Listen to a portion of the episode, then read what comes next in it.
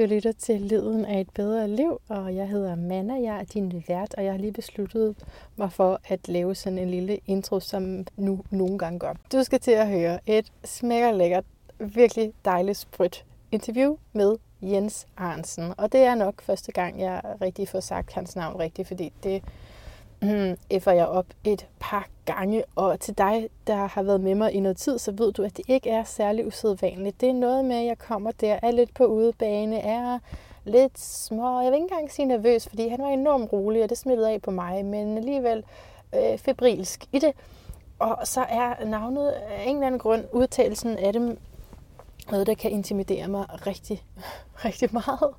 Og øh, de, jamen, jeg ved ikke, jeg, nogle gange ville jeg bare ønske, at folk hed Mette og Søren, fordi det har jeg lært, da jeg gik i skole i dansk. Mette og Søren. Altså du ved, så snart vi skulle have tysk eller et eller andet, så stod jeg helt af. Så jeg, jeg er ikke særlig avanceret i det med udtale, og det er der mange, der påpeger for mig, at det er lidt spøjst, når nu jeg selv hedder øh, Manar, eller Maner, eller Manar, hvad er det ude, jeg selv hedder. Men, så det er ikke for at sige, at øh, jeg selv gør det bedre med mit eget navn.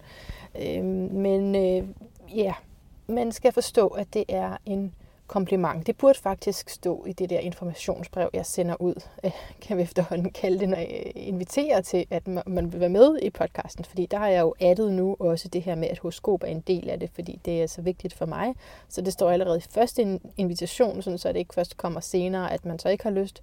Men i det kunne jeg jo så også skrive, forvent, at dit navn ikke bliver udtalt rigtigt og lad det være en kompliment. Fordi det er det. Det er simpelthen gjort så kærligt. Anyway, det var et virkelig fantastisk møde, og jeg glæder mig over, at du er med, og til, at du skal høre det. Jeg kan fortælle dig, at jeg øh, lykkedes i at komme for sent. Fisk og jomfru, især vil jeg mene, har noget omkring tid. Det er måske en lille smule karikeret, men altså, det er jeg jo det meste af tiden. Så det, det, men der er noget med tid, fordi fisken som udgangspunkt kan ikke, altså, er meget flydende, så derfor er der tit den her kompenserende faktor. Men netop at vil holde tiden, man så også godt kunne komme til at komme måske en halv time for tidligt. Og, og jomfruen er altså meget mere sirligt med vidderligt at have kalkuleret øh, tingene meget nøje. Men altså den her fisk, øh, øh, der skete det. Ikke? Jeg stod op om morgenen, havde egentlig masser af tid, og tænkte, det er først kl. 10, hold op, og det tager kun 40 minutter. Hvad skal jeg bruge al den tid, fordi jeg står ret tidligt op.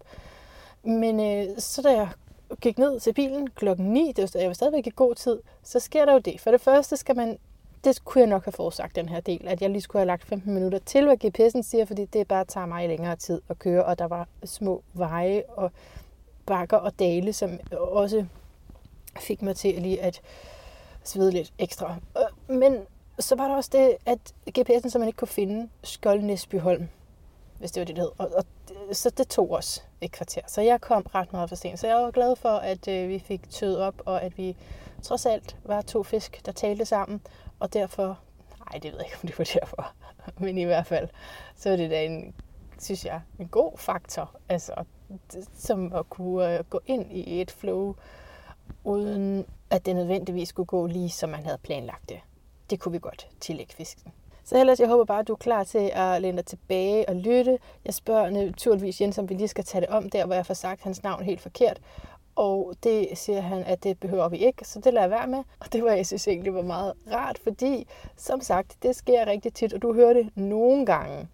Ikke? Jeg sagde før, hvis du har været med mig længe, så ved du, men egentlig så er der jo lige det, jeg skal huske mig selv på, at jeg klipper det rigtig ofte ud.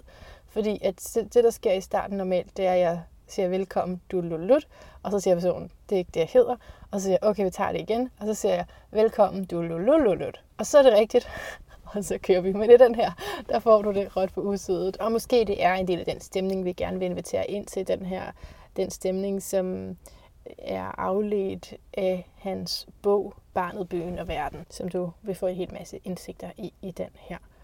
Den her podcast, det her samtalemagasin, Lyden af et bedre liv, som bliver lavet for dig, for at ikke bare vide mere, det er vi lidt inde på i den her, men at forstå mere og langt dybere, og dermed integrere det i dit liv, sådan at du potentielt kan få det bedre. Så tak fordi du er med. Jeg ved, der er meget, når du kan lytte til, men du har valgt lyden af et bedre liv, og det er jeg simpelthen så glad for. Velkommen indenfor.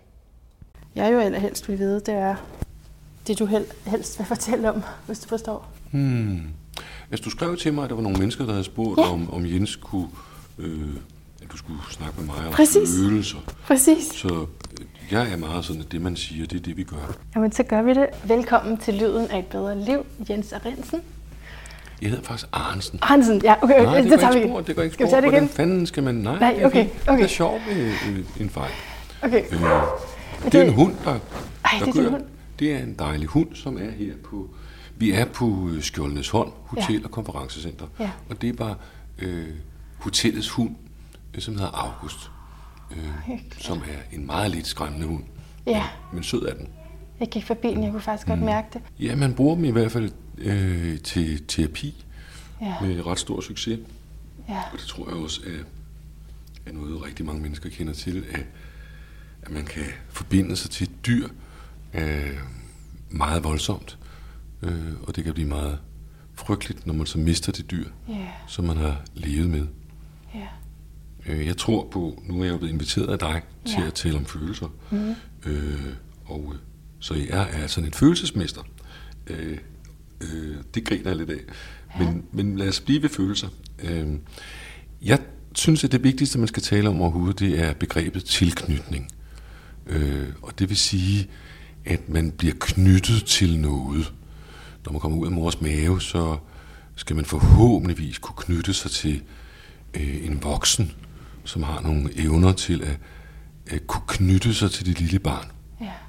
Det er der faktisk nogen, der ikke kan, mm. øh, fordi de er øh, måske en, en mor, der ikke har det godt. Hun ville måske slet ikke have haft det her barn, eller hun er meget bange for, at, mm. kan jeg håndtere til det her, eller har meget stress i sit liv, eller har ængstelse i sit liv. Og det gør, at øh, livets start ikke bliver så god, øh, fordi at der øh, er en elendig, eller manglende, eller simpelthen ødelæggende tilknytning. Ja, Øh, noget af det her hører vi jo om, når der står et eller andet øh, skræmmende i BT eller Ekstrabladet om en familie, som har terroriseret den lille pige, eller sat en lille dreng på øh, stege. Og man kan slet ikke holde ud. Man kan slet ikke holde sådan nogle Øh, eksempler ud. Nej, men det, det, det bør vi holde ud, fordi at, øh, det er jo kun sådan nogle yderlort, hvor folk får øh, slag, og Ja. ligesom vi bliver så oprørte over pædofili og sådan noget, det forstår jeg godt. Så er der Øh, alt det skjulte men- også. Hvad siger du? Så er der alt det skjulte også. Ja, altså det man ikke snakker så meget om. Altså hvis du kommer fra en opvækst, som vi sidder og taler om lige nu, hvor du for eksempel ikke bliver mødt eller mm. bliver spejlet, mm. hvor der ikke er nogen øh, relation. Altså det er lige så ødelæggende, Ja. som at blive udsat for øh, seksuelle overgreb. Mm. Øh, men, men det er ligesom, at seksuelle overgreb har ligesom stået, det er jo ikke så godt. Mm. Øh, men altså, der er emotionelle overgreb, mm. som kan øh, foregå i de fineste familier, øh, og det ser godt ud, og man kan have alt i computer og hårde hvidevarer. Og det er jo noget af det, du har skrevet om, eller faktisk, det er meget det, du skriver om. Det er ikke det, også? skriver om, I ja. øh, Ja. Barnet, Byen og Verden, som mm. jeg har læst den bog. Mm. Og jeg har skrevet en hel masse spørgsmål og har taget nogle citater ud, så hvis man ikke har nået at læse den, så kan man nå det nu, og man kan også få lov at høre nogle citater her undervejs, mm. regner jeg med. Mm. Og det jeg sådan ligesom opsummeret har tænkt, jeg vil stille dig spørgsmål, mm. er fordi, at den her bog, den skitserer rigtig meget, og er rigtig godt skrevet, er fedt skrevet, lidt læselig også. Mm, Men øh, hvor er løsningen henne? Du ved, det er sådan den, jeg sidder tilbage med sådan, åh oh, nej, hvad gør vi så, når det er sådan her? Løsningen er øh, tillidsfulde, gode relationer. Ja, Øh, men så kan man sige, nå, men så skal vi bare have trivsel og gode relationer. Ja, men overhovedet kunne mærke, hvad er en god relation? Mm. Der er jo rigtig mange mennesker, der er på arbejdspladser, hvor de ikke har det godt. Mm. Øh, hvorfor bliver de det så? Jamen, fordi de ikke mærker det. Og så tænker det er nok mig, der er noget galt med. Eller, øh, og det samme i forhold. Altså, der er mennesker, der er i forhold til kvinder og til mænd, øh, som er, er, er, er frygtelige. Hvor vi andre, når vi hører det, så hører vi, hold kæft, hvordan er det, de taler til hinanden? Kælling, man er så skræmt, der er stød. Øh, øh, hvorfor finder du det herinde? Åh, oh, man, han mener det jo ikke. Altså, altså det, det vil sige, at man finder sig i at være noget, der er stærkt toksikerende, mm. altså forgiftet øh, stemning. Øh, så mange mennesker skal overhovedet have en opvågning i, jamen, hvad vil det sige, at du har det godt? Hvad vil det sige, at du har øh, god øh, tillid øh, til der, hvor du er? Men hvis du er vant til at have en lorteopvækst, øh, og ironi og hård tale, jamen så er det jo også det, du senere øh, synes, at det er almindelige. Ja, og finder tryghed i, ikke? Ja, præcis. Så jeg ved ikke, om jeg lige skal vente et øjeblik. Jeg kan i hvert fald høre dem ret tydeligt. Okay. Ja, hvad? Hallo, undskyld, jeg spørger. Vi sidder i radio. Jeg laver radio. I er med radio. I er med radio.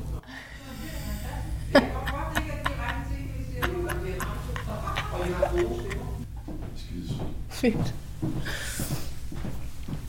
Noget af det, som du skriver om, er, hvordan man kan have mistillid til sin egen indskydelse, eller tilskyndelse.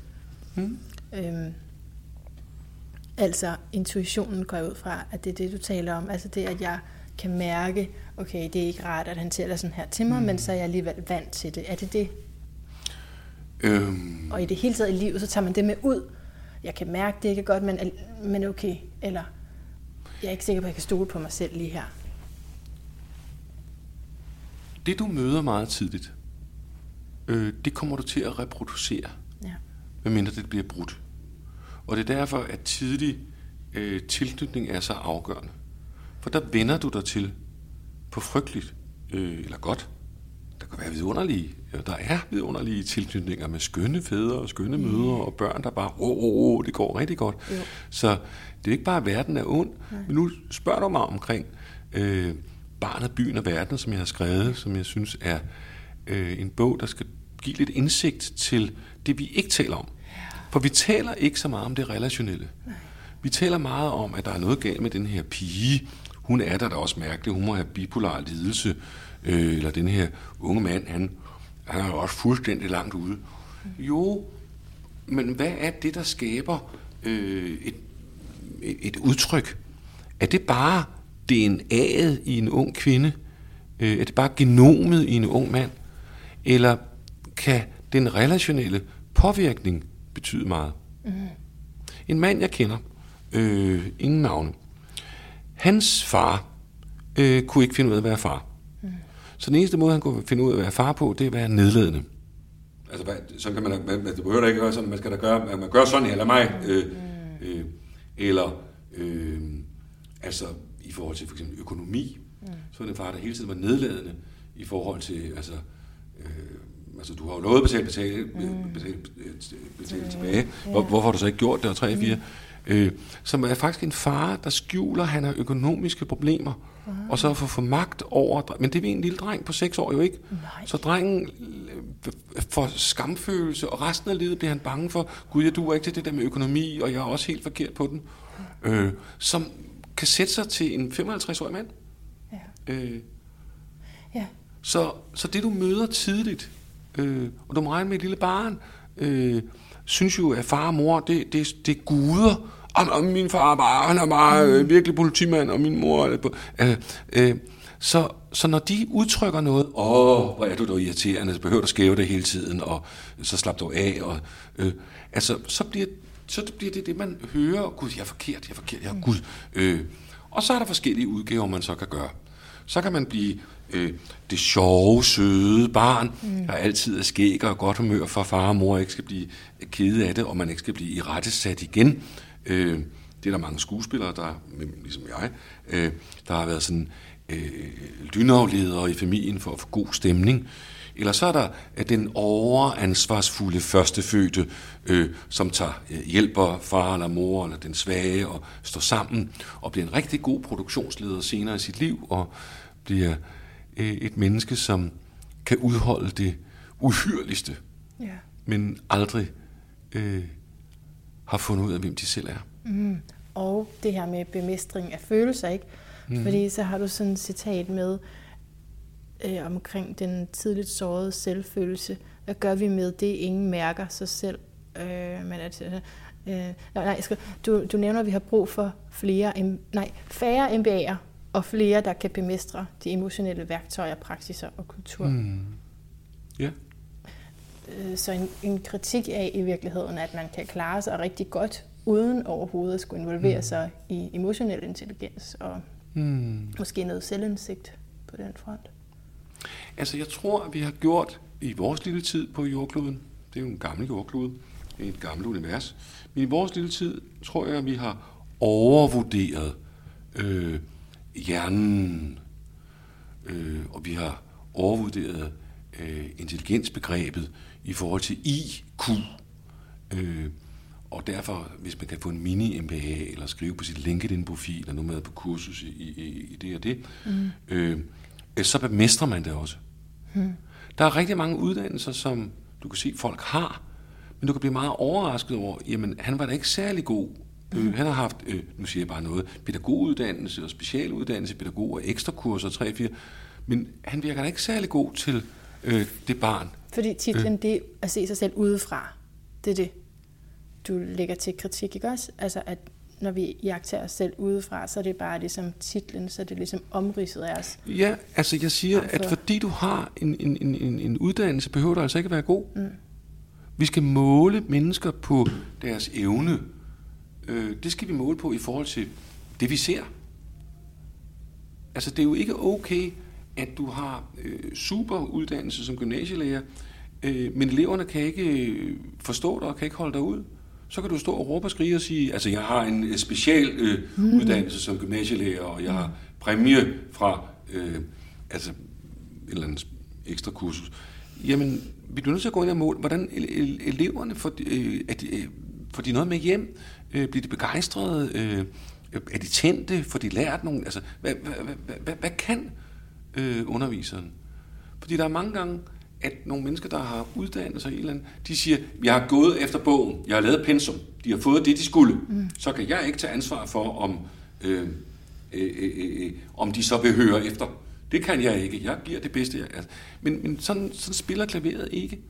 Øh, interpersonalitet, det vil sige det, der sker mellem mennesker, yeah. øh, at, har noget at gøre med vores evne til overhovedet at være en relation.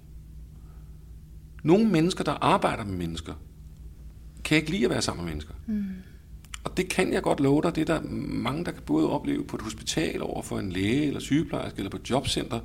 Øh, man mærker ikke, at den, der sidder på det jobcenter, øh, selvom de måske selv øh, håber det bedste, Trebe, fordi man kan mærke, øh, hende eller ham på jobcenters måske skam eller nervøsitet, eller der er en dårlig relation.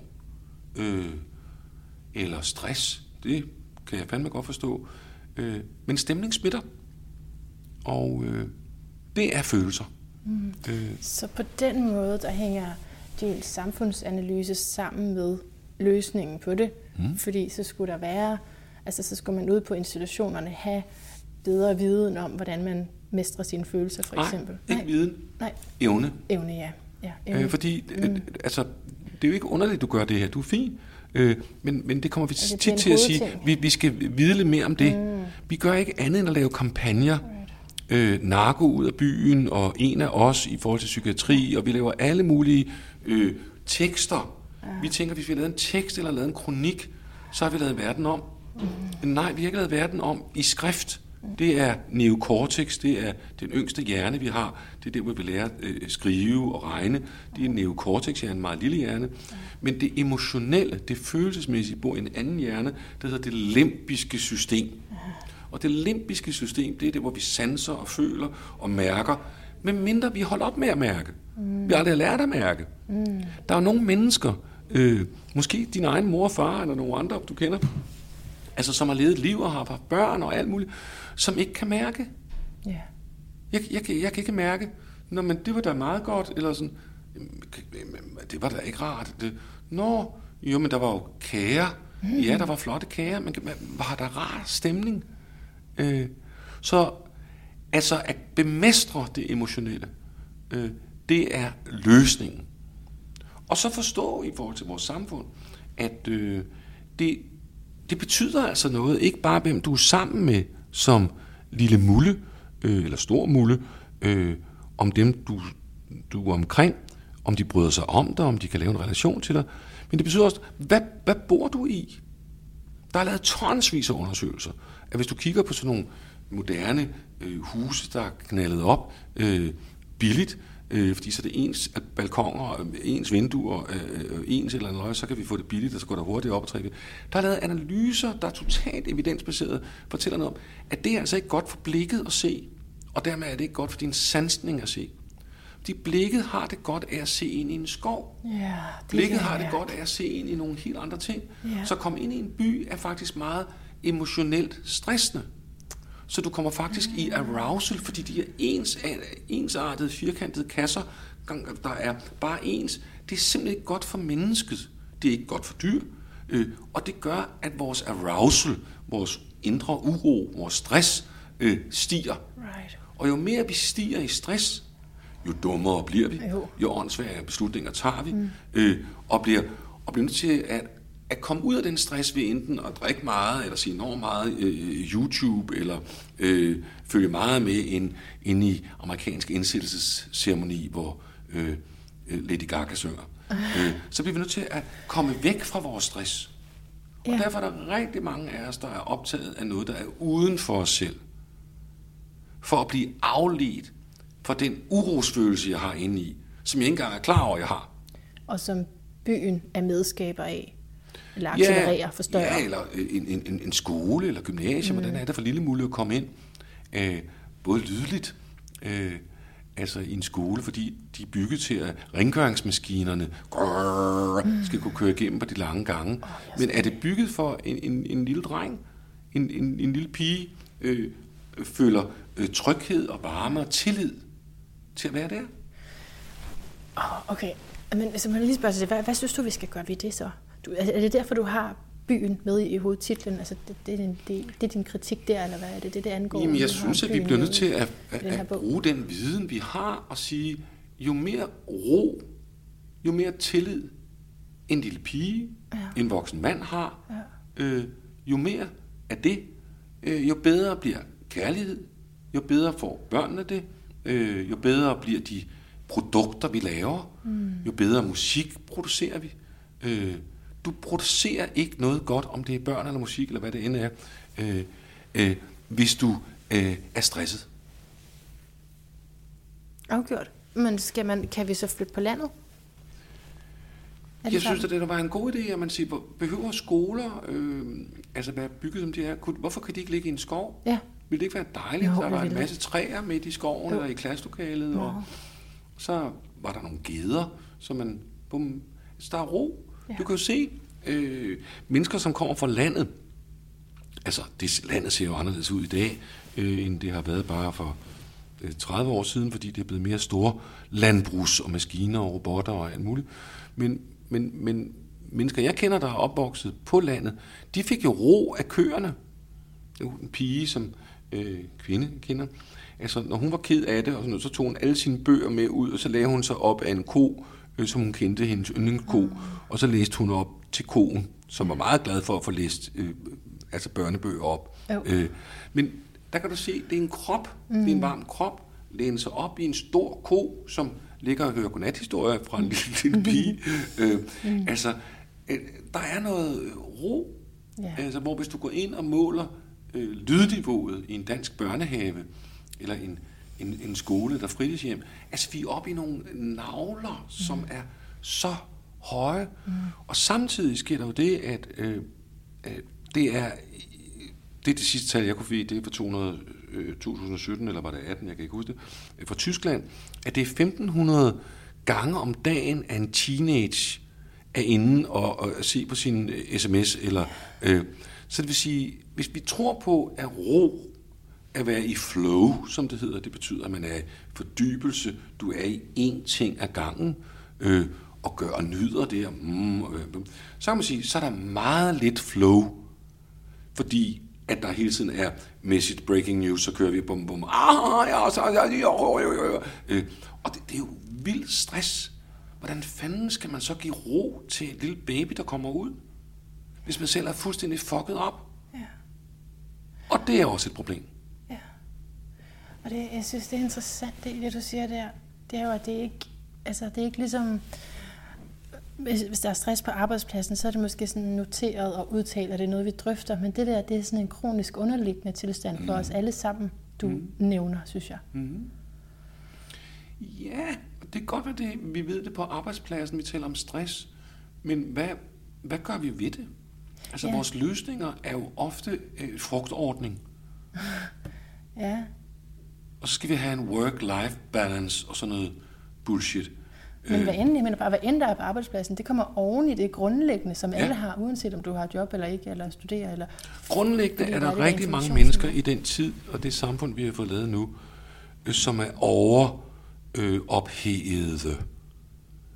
Øhm, rigtig mange har en meget stram økonomi, så kan man sige, det er de selv skyldige i, men der er sørger også mange, der gerne vil have, at de har en øh, abonnement på Podimo eller noget andet. Ja. Øh, og vi skal jo også til Mallorca, vi skal have to biler. Vi skal have, altså, så er der rigtig mange mennesker, som er alt for stram økonomi. Så hvis der bare kommer én tandlægeregning mm. indenover, så går det helt galt. Det. Ja. Økonomi er det øh, emotionelle, som er det mest stressskabende. Oh. Det er virkelighed eller tro på, tanke på, bekymring for, har jeg egentlig penge til min lille mulle, til børnehaven til den første, eller huslejen? Til at overleve. Ja, til at overleve. Mm-hmm. Så det vækker hele dit trusselsystem. Ja. Og det vil sige, så vækkes alt hormonstoffer i dig, ja. øh, og adrenalinpumper, og jeg skal komme efter dig. Øh, og, og, og det bliver svært at være sammen med. Øh, og så må man have nogle afledninger, afladninger for at hu, al den stress, jeg er i.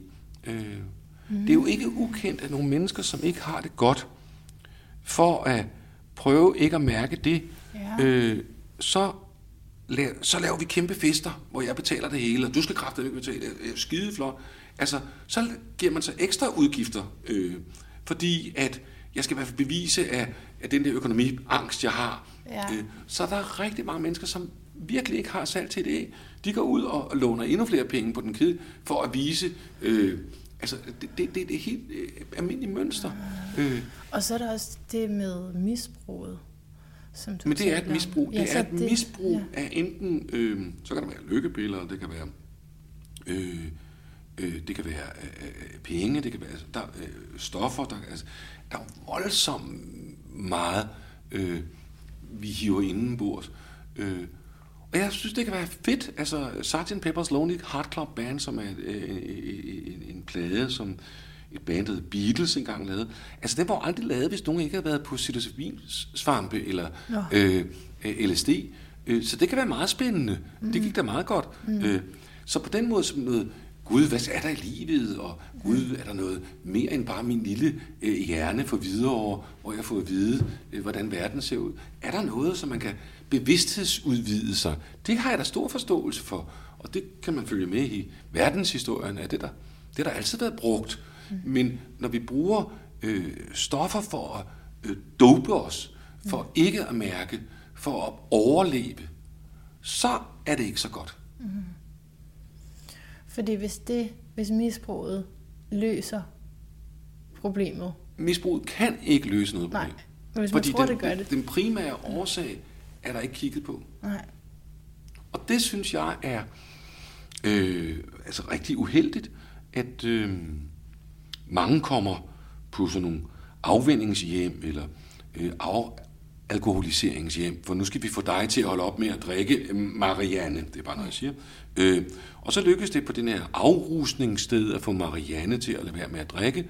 Øh, og så bliver hun sendt hjem, og så får hun en pjæse med ved udgangen. Husk nu at spise noget sundt, Marianne, og få nogle gode venner, og få nogle gode rytmer og rutiner, øh, og få sovet godt. Ha' det rigtig godt, Marianne. Mm. Altså, hvor lang tid går der, før at Marianne øh, kommer ind ad bagdøren en gang til?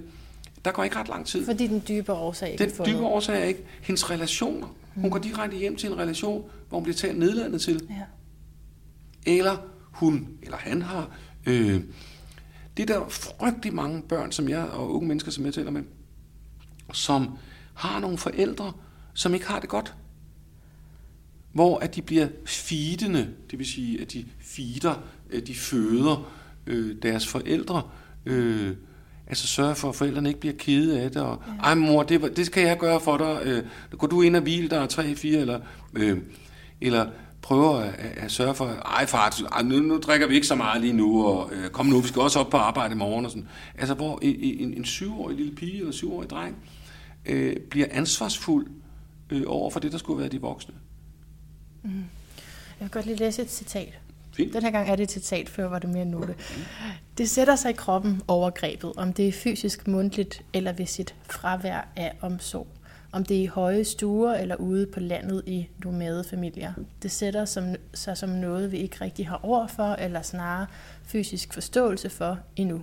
Traumepsykologien hjælper os et skridt derhenad, men ikke i løsningen, løsninger, hjælp til de forslåede, sårede og forladte.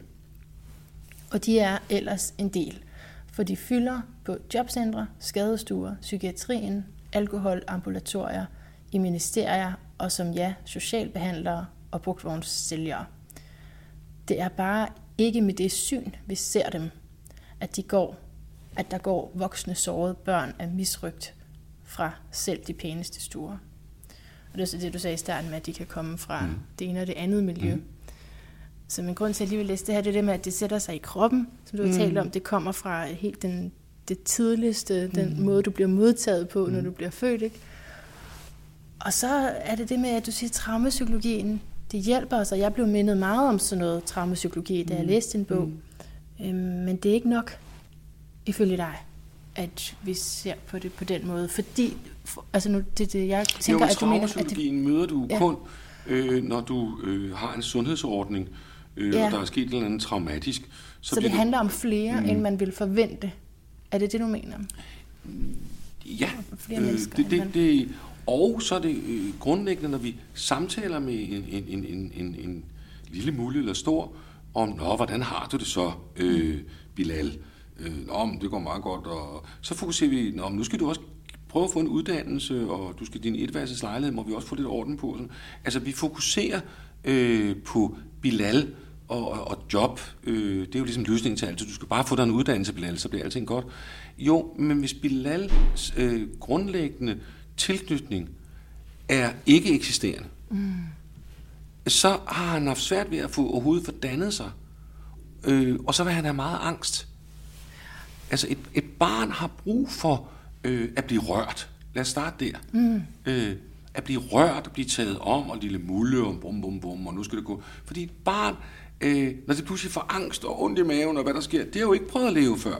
Øh, så hvis der er ikke nogen omkring barnet, til at, jamen lille mulle, nu, øh, nu altså, det er derfor, vi går og vugger børn og går lidt frem og tilbage. Det er for at berolige børn. Mm. Det er, for børn kan ikke selv selvregulere sig. Akkurat. Men hvis du har haft en mor eller far, der kan mærke barnet, jamen kom her, nu skal du sidde lidt hos mig, og, æ, æ, æ, og så går vi ind her, og nu får vi lige katten til at være der.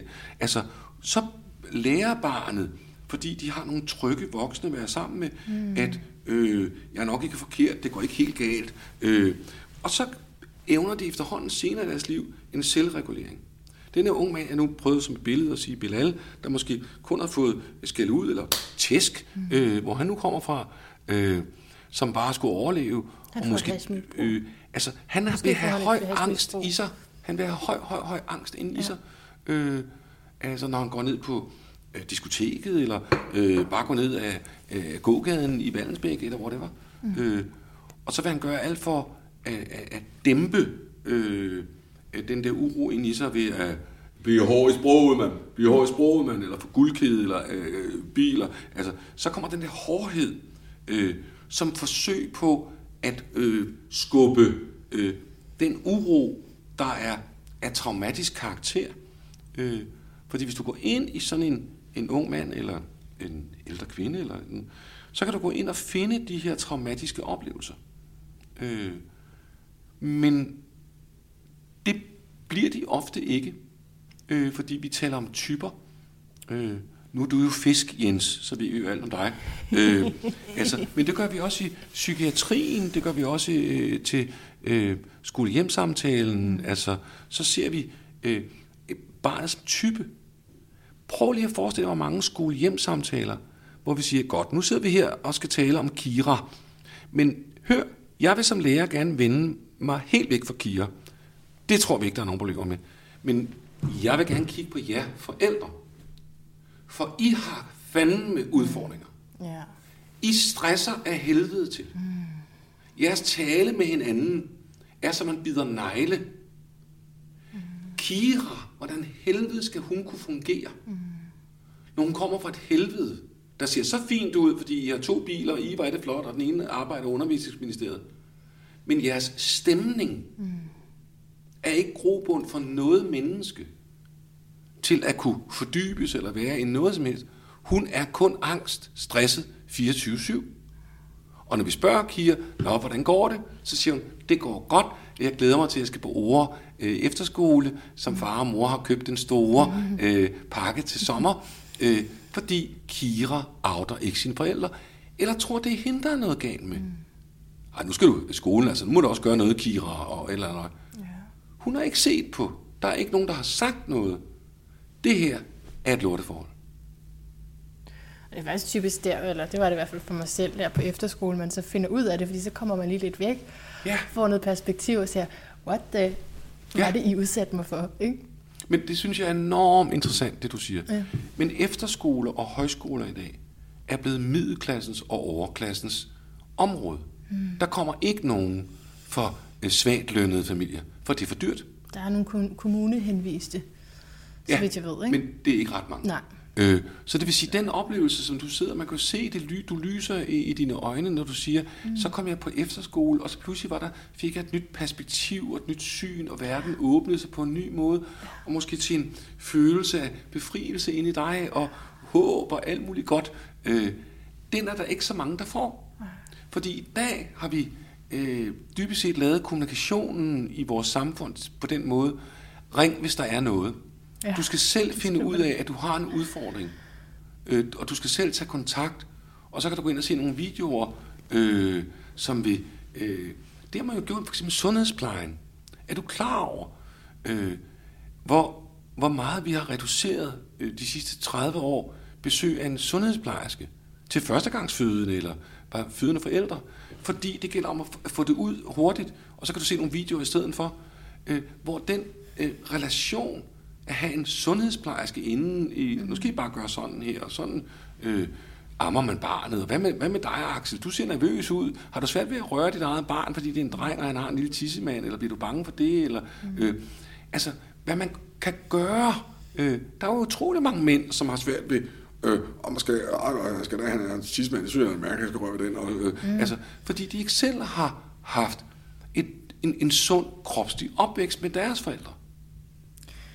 Hvad vil du sige var det vigtigste sådan i samfundet, at vi satsede på økonomisk også og gav midler? Altså det vigtigste, at vores samfund skulle gøre, gav midler. Øhm, Nej, så hvis nu at du var politiker og så kunne bestemme, Nå, ja. øh, hvem skulle vi så, hvad, hvilken sektor ville så være, der jeg simpelthen nødt til at sætte ind? Øhm, altså jeg tror, at det er den sektor, som har noget med helt fra spædbørn at gøre, til øh, vuggestue, til... Øh, øh, altså at den sektor bliver nødt til at vide meget mere om det emotionelle. Problemet er for mange pædagoger, undskyld pædagoger, jeg elsker pædagoger, nogle af pædagoger er mine bedste venner, men vi bliver også nødt til at kalde en skov for en skov. Mm. Rigtig mange bliver pædagoger, det kan man da altid blive. Det kan man jo. Og det det vil sige, at rigtig mange pædagoger kommer fra noget lort selv, Ja. har problemer med alt muligt, og har været alene med en mor, der har været øh, bipolar lidelse og 3-4, Jo. øh, og man kan ikke selv finde ud af at have nogle kærester og drikker lige for meget øh, paprødvin og 3-4, men så kan man jo arbejde med børn. Mm. Det går fuldstændig galt. Det, er skal vi stanse det omgående. Ja. Ligesom der er mange sygeplejersker, jeg elsker sygeplejersker, de er meget vilde, men der er mange sygeplejersker, som er førstefødte, den pæne pige, 12-talspigen, der kan klare alting, som aldrig har haft kontakt med sine egne følelser. Mm. Hvordan kan man så give empati, hvis man ikke aner noget om det? Det er følelsesmæssigt. Man kan gøre det korrekt, og man er fin, og man kan hilse, og goddag, goddag, og her, vi går ind på stue 12. Men hvordan kan du lave en relation? Relation er følelsesmæssig. Hvordan kan du det, hvis du ikke har nogensinde lavet en relation til dig selv, mm.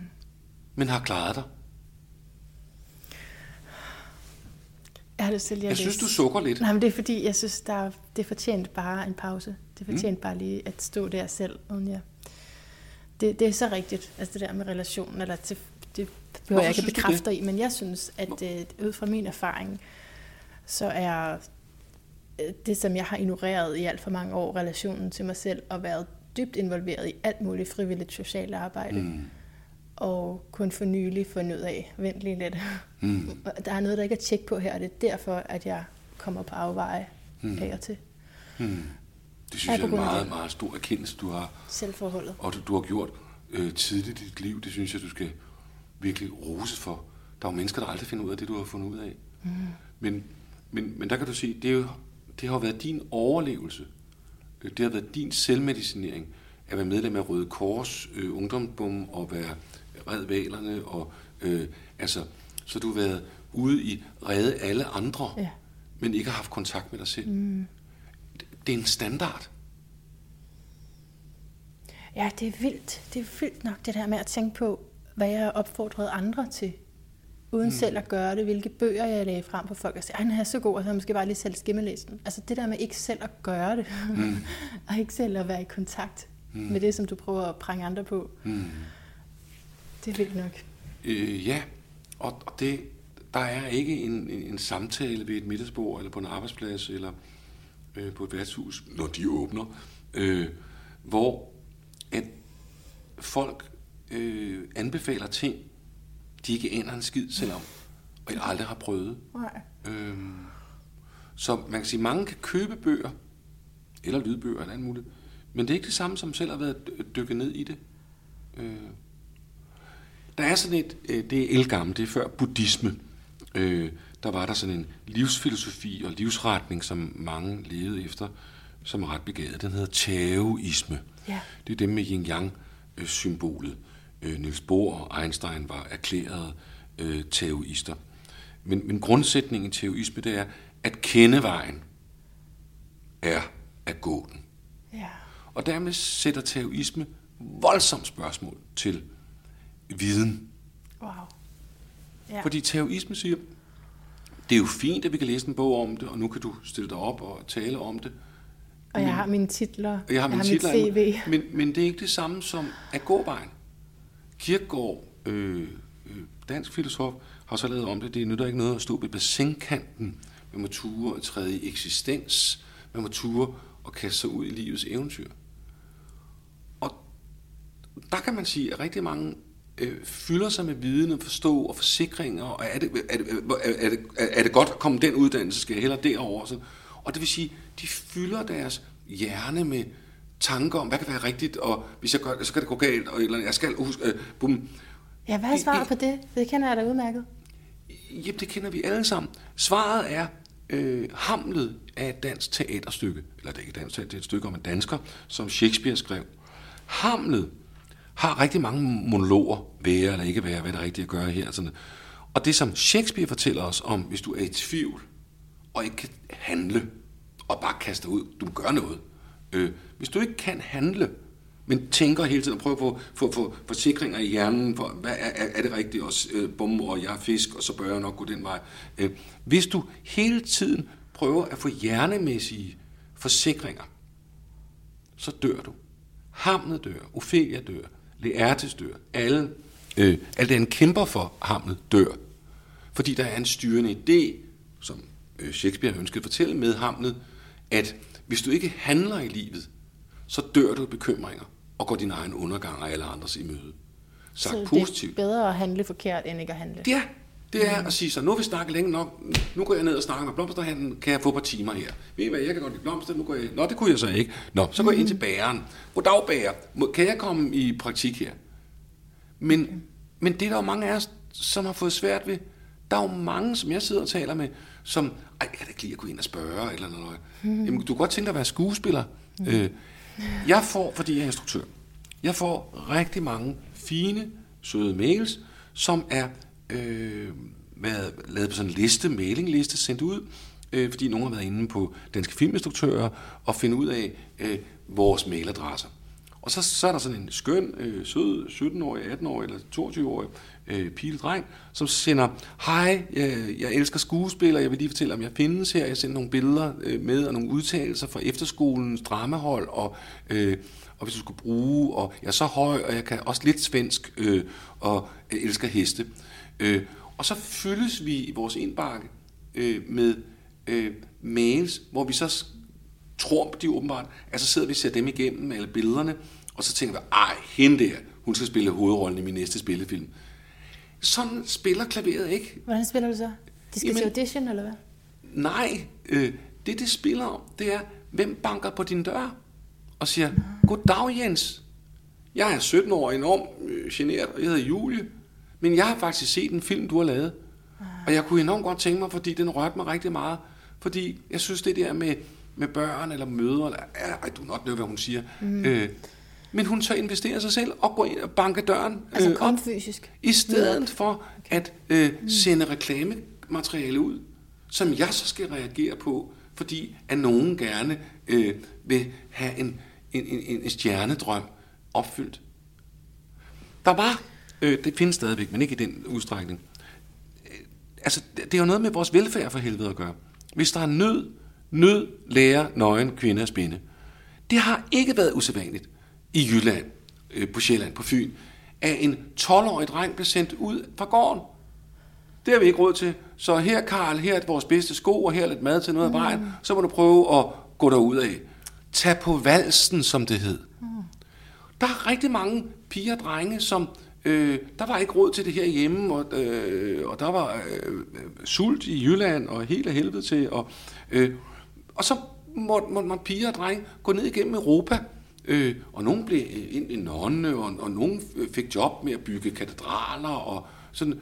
Men Altså, vi må så, se, hvad der møder os. Din, er din pointe med det at sige, at det, det, vi er for forkælet simpelthen? Eller vi ikke ved, hvordan man egentlig kan bruge os, altså man kan ja. bruge, hvordan man bruger ja. sig selv bedst? Ja, altså jeg, jeg kan huske, at jeg lavede sådan et, et opslag, fordi jeg, øh, jeg synes, der er simpelthen for mange øh, børn, som er blevet enormt store, som stadig køres rundt i...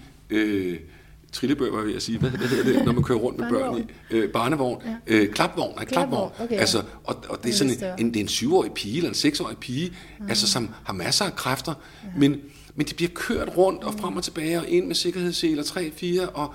Øh, jeg tror du og, også, det er netop fordi vi er bevidste om, hvor meget lort vi har lavet lige fra starten, eller hvor meget der er i os selv, som kunne gå galt, og så derfor så vil man ekstra beskytte sine børn nu?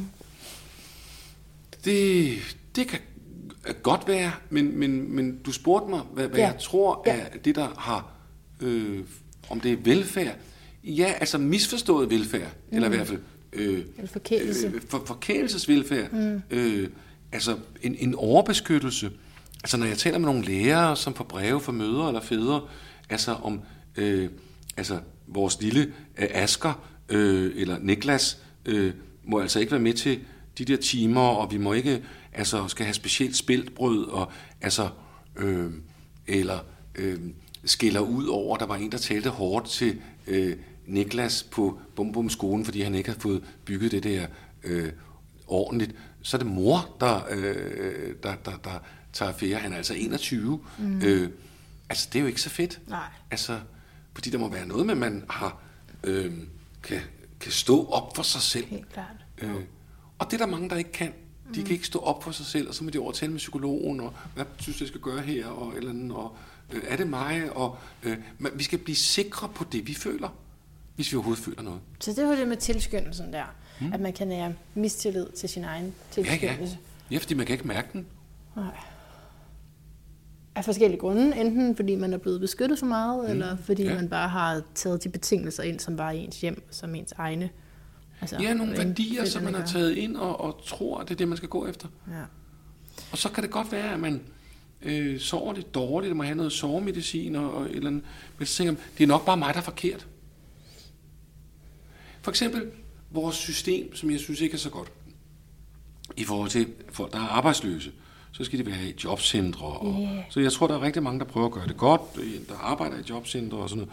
Men øh, det bliver ofte noget, som hvis man ikke tænker sig om, øh, så bruger du rigtig mange år af dit liv på at leve op til at kunne, fordi jeg skal have mine øh, dagpenge, og, øh, og så sige, det skal ned, og så skal jeg søge det her. Øh, og lige pludselig er jeg i gang med, for at undgå at miste mine dagpenge, så bruger jeg al min tid på at være bange for, om har jeg, er der noget på nem idé, jeg skal svare på, så jeg kan få ja. mine dagpenge, så faktisk ikke ret store. I stedet for at sætte sig ned og sige, hmm, kunne jeg blive iværksætter? hvad hvis jeg lavede et rengøringsfirma og gav den gas øh, sammen med Mana, så tager vi sgu, så tager vi, og vi står fandme tidligt op. Ja. Øh, hvor rige kan vi blive på det? Godt, så har vi ro på økonomien. Så behøver jeg slet ikke komme ned på jobcentret. Men overhovedet den mulighed, kunne der være noget andet end jobcenter? Altså, vi får det har man har ikke overskud til det, vel? Det er jo et enormt potent emne. Jeg ved ikke, om det er et overskud. Jeg mener, det er tunnelsyn. Ja. Vores fokus laver... Det eneste sted, vi ser hen, det er jobcenter. Jobcenter, mm. dagpenge, dagpenge. Jeg skal lige op til det. Jeg skal være en pæn pige. Jeg skal gøre, fordi jeg skal have øh, mine dagpenge. Fordi økonomi er så vigtig. Men at sige, er der, er der andre døre, man kan gå ind af? Er der, kunne man gøre noget andet? Kunne man flytte? Der kommer det andet problem. Jeg har om min gode lejlighed. Og der er udsigt over Svanemøllen. Altså, og den koster altså 11.000, mm. og, og Kenneth og jeg, og vores forhold er lidt usikkert, og min mor kan godt give lidt, og tre, hvis jeg ikke får min dagpenge, jamen du må også opgive noget. Jamen er din økonomi ikke af helvede til Jørgen eller Arnsen, eller hvad det end er, øh, jamen så kan der da ikke være den her tryllelejlighed til, hvad er det, 18.000 det koster på Svanemøllen. Altså, så må du flytte til Korsør. Ej, du vil ikke have, at jeg skal flytte til Korsør. Øh, nej, du vil gerne godt have et godt billede af dig selv. Jeg er lækkerrøven, bor i Svanemøllen og Worm og mig med cappuccino og 3 4 Jeg Jamen, anbefale men, men det billedet... Korsør er mega dejligt. Ja, Korsør er rigtig dejligt. Ja. Øh, men, men, men billedet af dig selv, du vil ja. gerne være lækker. Mm. Ja, lækker, og så også bare synes jeg, der er også mange eksempler på, at det netop er trygheden, ikke? at man ikke tør, og man ikke ved, hvad man hmm. får, man ved, hvad man har. Hmm. Og det er jo simpelthen så spændende et emne for mig, som lige nu arbejder med socialt arbejde øh, som er socialrådgiver. Jeg har kun lige her for et par måneder siden fået et job som mentor. No. Og er rigtig glad for det, så jeg møder jo mange, der har jobcenter stress. Ikke? Altså, jo. det er jo en ting, ja. vi, vi kunne skrive meget lange bøger om, selve mm. bare jobcenter stress. Mm. Så det er det, jeg mener, at den enkeltes overskud mm, mangler at svækkes gevaldigt af hele tiden at skulle tjekke, selvfølgelig mm. hele tiden skulle til møder, hele tiden bekymre sig mm. for, om man nu opfylder alt muligt, mm. sådan at man ikke mister overlevelsen så? Jamen, det er jo en trussel. Ja. Du må forstå, at det ved jeg godt, du ved, undskyld. Øh, Nej, men, men, men, men det, vi bliver inde i det der traumapsykologien. Ja. Det er, inden for traumapsykologien, er det en trussel. Mm. At jeg kan komme ned til dig, og hvis du skriver noget grimt om mig i papirerne, så kan det være, at jeg ikke får min dagpenge. At øh, være udsat for til bedømmelse, øh, og jeg kan miste. Yeah. Øh, miste retten til dagpenge, eller blive sat over på den mindre bog. At være til den optagelsesprøve, hvor jeg ikke ved, om jeg er købt eller solgt. Det er en trussel. Og en trussel er en trussel. Du kan blive truet af nogen, der står med maskingevær mod dig, eller du kan blive truet af, mine dagpenge ophører. Yeah. En trussel er en trussel. Og en trussel inficerer hele dit system på celleplan. Øh, og gør, at du bliver simpelthen øh, altså en udgave af dig selv, der er så limiteret, ja. og du bliver dum, og du bliver lille pige, lille dreng, og, og bliver bare sådan øh, korrekt, så hvor din egen stemme forsvinder, for det eneste, du er optaget af, det er, at jeg må ikke miste mine dagpenge. Mm. Og det hedder at undgå. Der er to positioner grundlæggende i livet, et menneske kan være i. Det er, man kan være i en position, hvor man vil undgå noget. Jeg vil undgå, at noget ondt skal ske mig. Det er jo ikke underligt. Øh, undgå, at mister mine dagpenge. Og så er der den anden position. Det er, hvad vil du opnå? Rigtig mange mennesker er overhovedet ikke op til, hvad vil du opnå? Jamen, jeg, vil, jeg, jeg, jeg vil opnå at undgå at mine dagpenge. Hvad kunne du godt tænke dig at opnå? Kunne du godt tænke dig at blive sømand? Kunne du godt tænke dig at lave et væveværksted? Jamen, det kan ikke, der skal jeg har ikke penge til det. Stop. Øh, du har da ikke snakket med mig om at få penge til et væveværksted. Øh, nej, men det, det er nok en helt galt. Det har min mor altid sagt, nu skal jeg lade være med at være mærkelig, og nu må jeg hellere have noget at falde tilbage på. Stop! Hvad vil du gerne opnå? Det bruger vi ikke ret meget tid på. Og, og tanke på. Fordi angst, desværre, er den stemme, som fylder mest øh, i vores system øh, som de mennesker, vi er for at overleve, så er der ned og kom derovre, er, er der nogen, der slår mig ned derovre. Altså, så ængstelse øh, får næsten altid topprioriteten. Derfor er det enormt vigtigt at møde sådan en som dig, der er mentor, der siger, nu skubber vi lige hele det her væk og siger, hvis man nu kunne drømme, mm. hvis man nu kunne drømme, Bilal, hvad vil være fuck penge, fuck alt det. Hvor vil du have det aller, allerbedst? Om, om, så er der sådan noget med fodbold. Nå, sådan noget med fodbold. Ja, men jeg synes det der med at virkelig træne, fordi jeg kan se, at... Det, ah! Det er utroligt, hvor svært det er at tænke ud over de kategorier, der eksisterer. Ja, det er svært, med mindre man har en god livsvejleder. Ja. En mentor som dig, der kan stille de rigtige spørgsmål. ja, eller, som vi talte om før, følelse med sig selv. Den relation til sig selv, så man ved, så hvad der rører sig derinde. Ja, men du får ikke lært øh, følelsen til dig selv, hvis du ikke har været i en sund relation. Right, okay, så det er der, det hænger sammen. Det hænger sammen. Det er derfor, jeg øh, skal igen her over sommeren ud med øh, på turné med et foredrag, som jeg er meget glad for, ja. fordi det går godt. Det hedder At blive mødt. Mm. Øh, hvor jeg simpelthen definerer øh, betydningen som menneske at blive mødt. I tidligt i livet eller senere i livet. Men det er afgørende yeah. at blive mødt yeah. af nogen, der yeah. ser dig. Yeah. Og bryder sig om dig. Yeah. Derfor kan det godt sige noget lort til dig. Hvad fanden er det, du gør, Arnsen? Og det var da ikke så god en film. Så det er noget med det at gøre. Men grundlæggende, at man mærker connection. Yeah. Det er alt afgørende for et liv flytter sig. Ja. Ja, Ej, det er jeg meget enig i. Også fordi det med, at man ser sig selv igennem andres øjne. Ja, altså en, en, en, en, en, en, en oplevelse, som øh, øh, jeg havde med, med en, en, en, en ung mand, som ved Gud ikke havde det godt, og, og var slet ikke klar over, hvor skampåført og ødelagt og traumatiseret han var af en opvækst i det pæneste hus på Fyn. Mm. Øh, eller landpalæ, eller hvad det nu var. Øh, men på et tidspunkt så fortalte han mig min historie, eller jeg fik ham til at fortælle noget. Øh, det var ret voldsomt. Øh, om hvordan han blev øh, offentlig skampåført, når der var gæster. Øh, når ikke engang, det kan du finde ud af. Ikke engang det. Man beder dig bare med sig. Prøv at se, man har prøvet at gøre alt muligt at putte så mange penge, og så kan han ikke engang det, og så falder tallerkenen og et eller andet. Altså, jeg ved, nå, altså, øh, mens der er gæster. Øh, det jeg gjorde, det var, at jeg følelsesmæssigt reagerede. Jeg synes simpelthen, det var så langt ude, og sådan en, en lille dreng på ni år, der prøver at gøre det bedste. Så jeg begyndte ikke bare for våde øjne, jeg begyndte at græde. Mm. Det kunne han slet ikke. Ah, altså, det, var, bare, altså, det var bare, altså, det var sgu ikke noget, altså, det kom jeg over. Det var bare skide, og jeg, startede han med. Mm. Men, men jeg blev ved med at sige, jamen, det rører mig, det her. Så skete der det, at han for første gang, om, øh, og så begyndte han at græde. For første gang fik han kontakt med den sorg, fordi at jeg tillod den. Sådan yeah. spiller klaveret. Yeah. Så oh, din øh, rolle som yes. mentor yeah. er også at sidde og spejle. Jo, det er øh, At kunne øh, se det, øh, den anden ikke Ah, det er bare sådan, det gør man bare. Man knipper bare videre, sådan noget. Der er ikke noget. Der, hvad min overlevelsesstrategi øh, strategi kan høre. Ikke? Ja. Mm. Men du kan, jamen lille pige, yeah. har du knoklet rundt på det her, og så har du bare lagt røv til hele vejen igennem, og, yeah. fordi du måtte have noget anerkendelse. Mm. At se et menneske, der holder af, der får våde øjne, yeah. kan være starten på, overhovedet opdage, jamen så er det, jeg har været i, har jo ikke været så godt. Nej. Mm.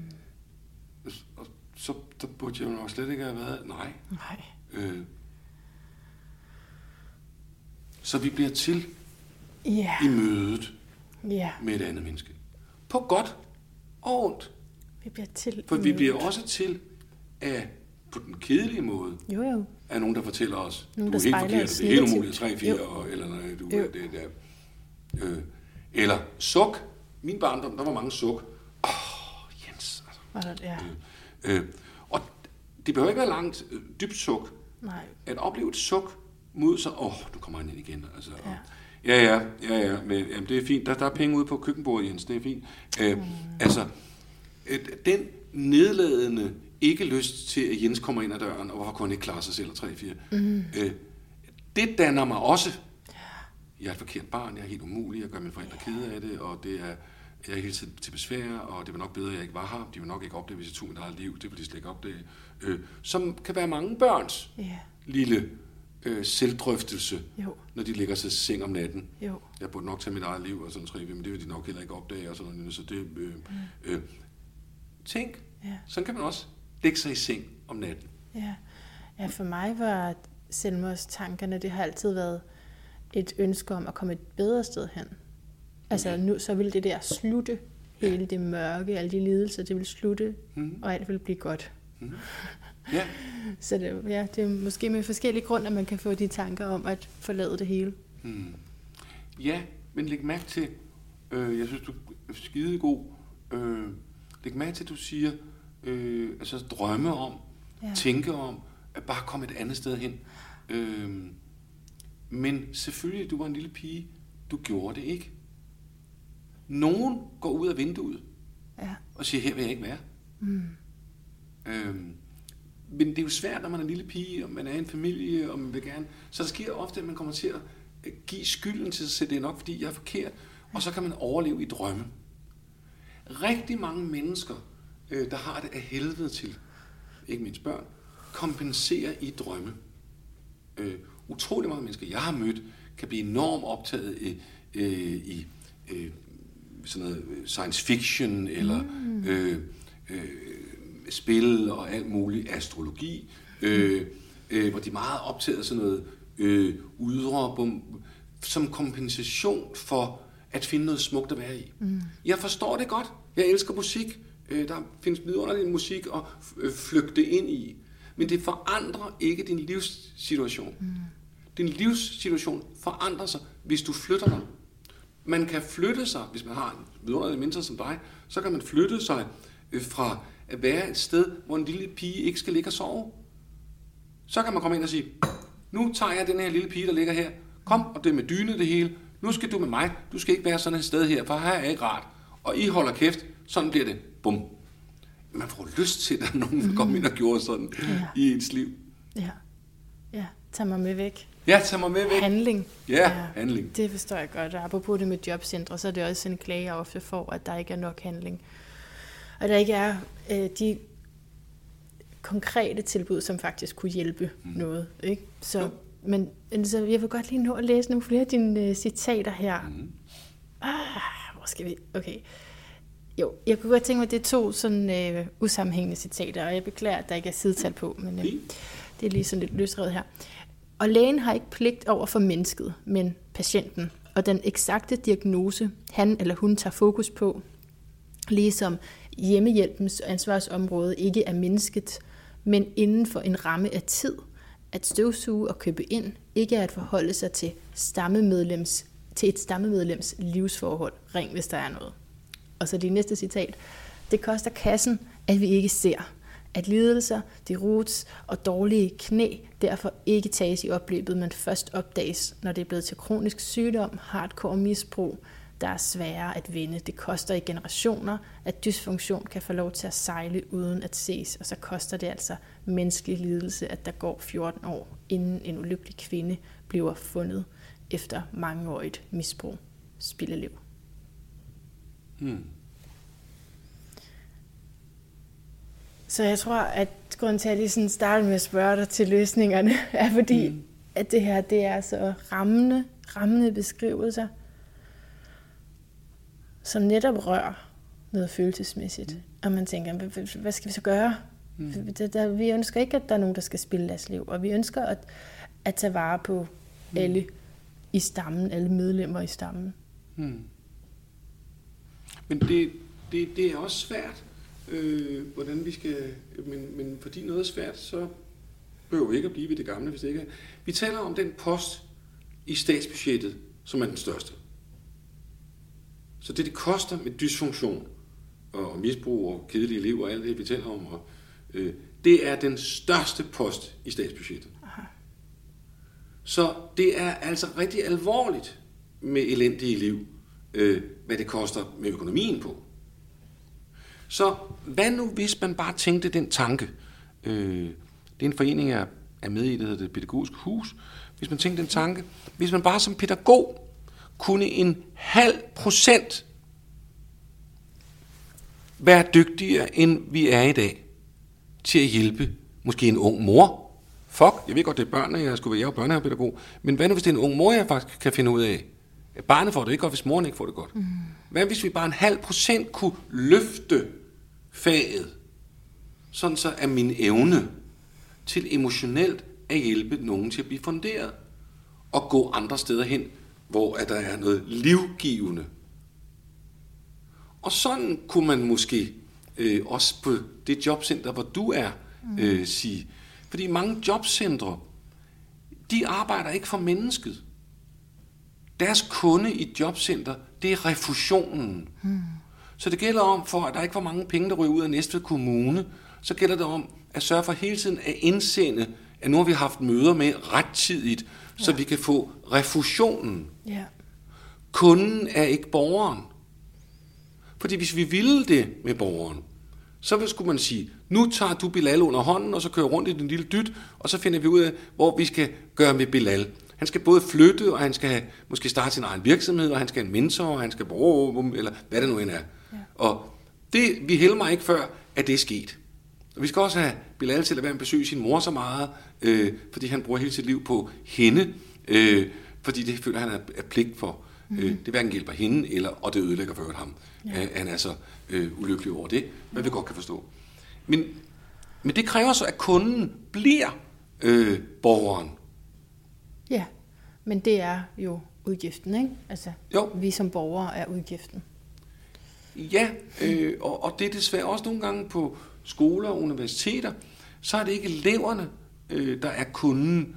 Det er at få refusion fra staten, fordi vi har 22 i klassen, ja. og så får vi penge til det, og så kan vi bygge videre på vores nye universitetsfløj, som ja. bliver skide flot, så vi kan komme i... Øh, så hele vores system er bygget op efter refusionsmodeller, ja.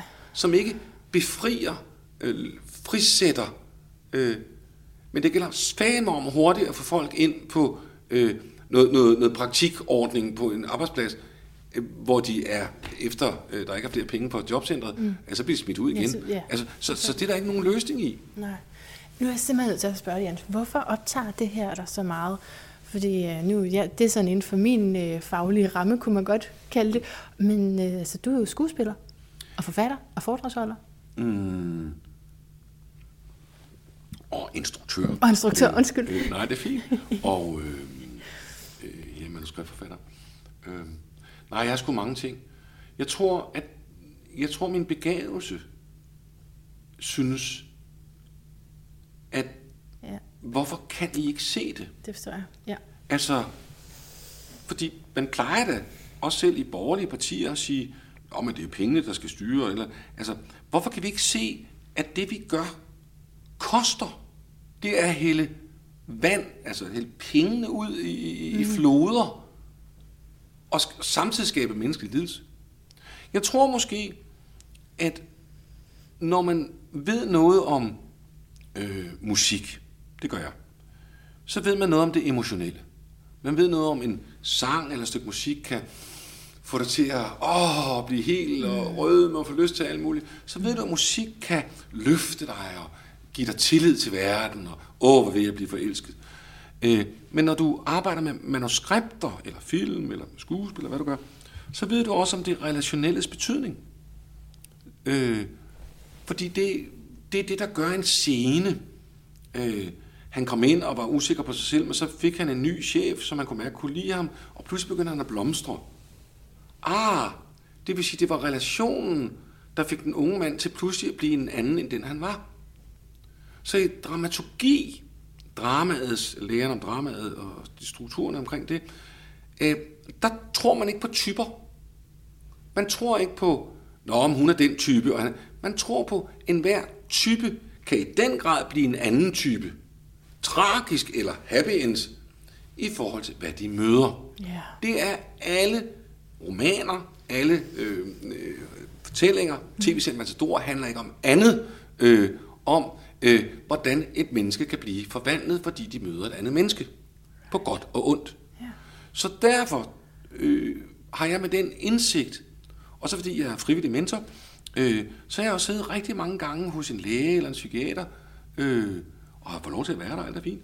Øh, og set på, at det er 8 minutter, det tager for en fin øh, læge at udskrive ting til et menneske, som han hun har talt med i fire minutter. Mm. Øh, og, og det første kendte øh, bivirkning, det er suicidal adfærd.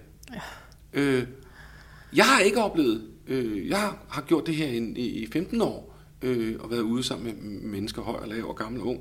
Øh, jeg har ikke oplevet endnu, en eneste gang, at en læge eller psykiater, der har udskrevet meget kraftige ting, har ringet op til Julie.